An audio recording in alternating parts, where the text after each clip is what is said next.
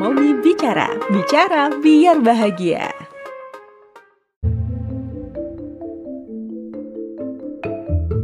Assalamualaikum warahmatullahi wabarakatuh.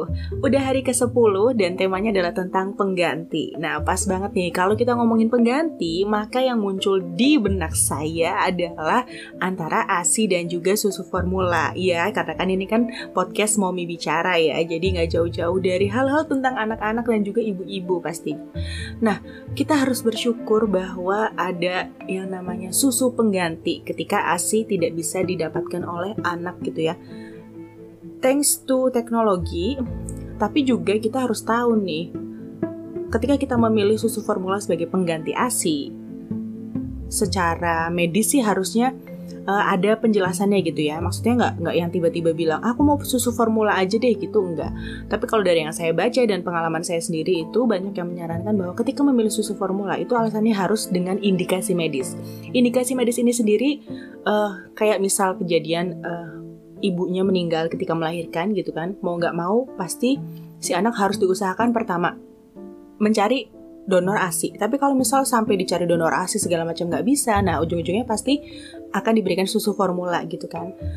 Uh, kemudian ketika uh, si ibu ini sakit parah tadi si ibu meninggal, si ibu sakit parah, kemudian juga ketika si ibunya memang tidak mampu atau memutuskan untuk tidak mau memberikan ASI ya mau nggak mau gitu ya. Tapi sayang aja sih kalau memutuskan dengan diri sendiri bilang aku nggak mau ngasih ASI cuma ya itu kan pilihan masing-masing perempuan ya mau ngasih ASI atau enggak. Cuman saya adalah orang yang sangat pro ASI dan saya bilang kalau bisa ngasih ASI kenapa enggak? Gitu. Dan alhamdulillah support juga banyak sekali. Walaupun dulu sempat ada rasa aduh gue mampu nggak ya? Gue sanggup nggak ya? Gitu. Kayaknya lebih gampang ngasih support kali ini uh, effortnya nggak sebanyak kalau ngasih ASI gitu kan. Tapi setelah dipikir-pikir lagi justru ketika mampu memberi ASI secara langsung atau DBF atau direct breastfeeding gitu ya justru lebih banyak keuntungan yang kita dapat selain lebih murah satu itu ya. Ibu-ibu kan suka banget sama yang murah-murah gitu kan. Uh, selain murah dan simple dan nggak perlu bawa-bawa gembolan banyak gitu ya untuk menyediakan susu buat anak ketika lapar tinggal buka kasih jebret kenyang. But still, kita harus bersyukur zaman sekarang ada yang namanya pengganti ASI Walaupun jelas dari segi kandungan, ASI itu tidak tergantikan 100% ya Cuma ya, lumayan lah Dikata mirip juga agak susah ya untuk membuat mirip banget secara ASI itu kan ciptaan Allah taala ya. Ciptaan yang maha luar biasa dalam penciptaan gitu. Dibandingkan sama susu formula yang adalah ciptaan manusia. Walaupun teknologinya udah sehebat seluar biasa itu gitu. It's still different. ASI adalah sel-sel hidup di mana dia berubah dengan kondisi anak itu menyesuaikan kondisi anak.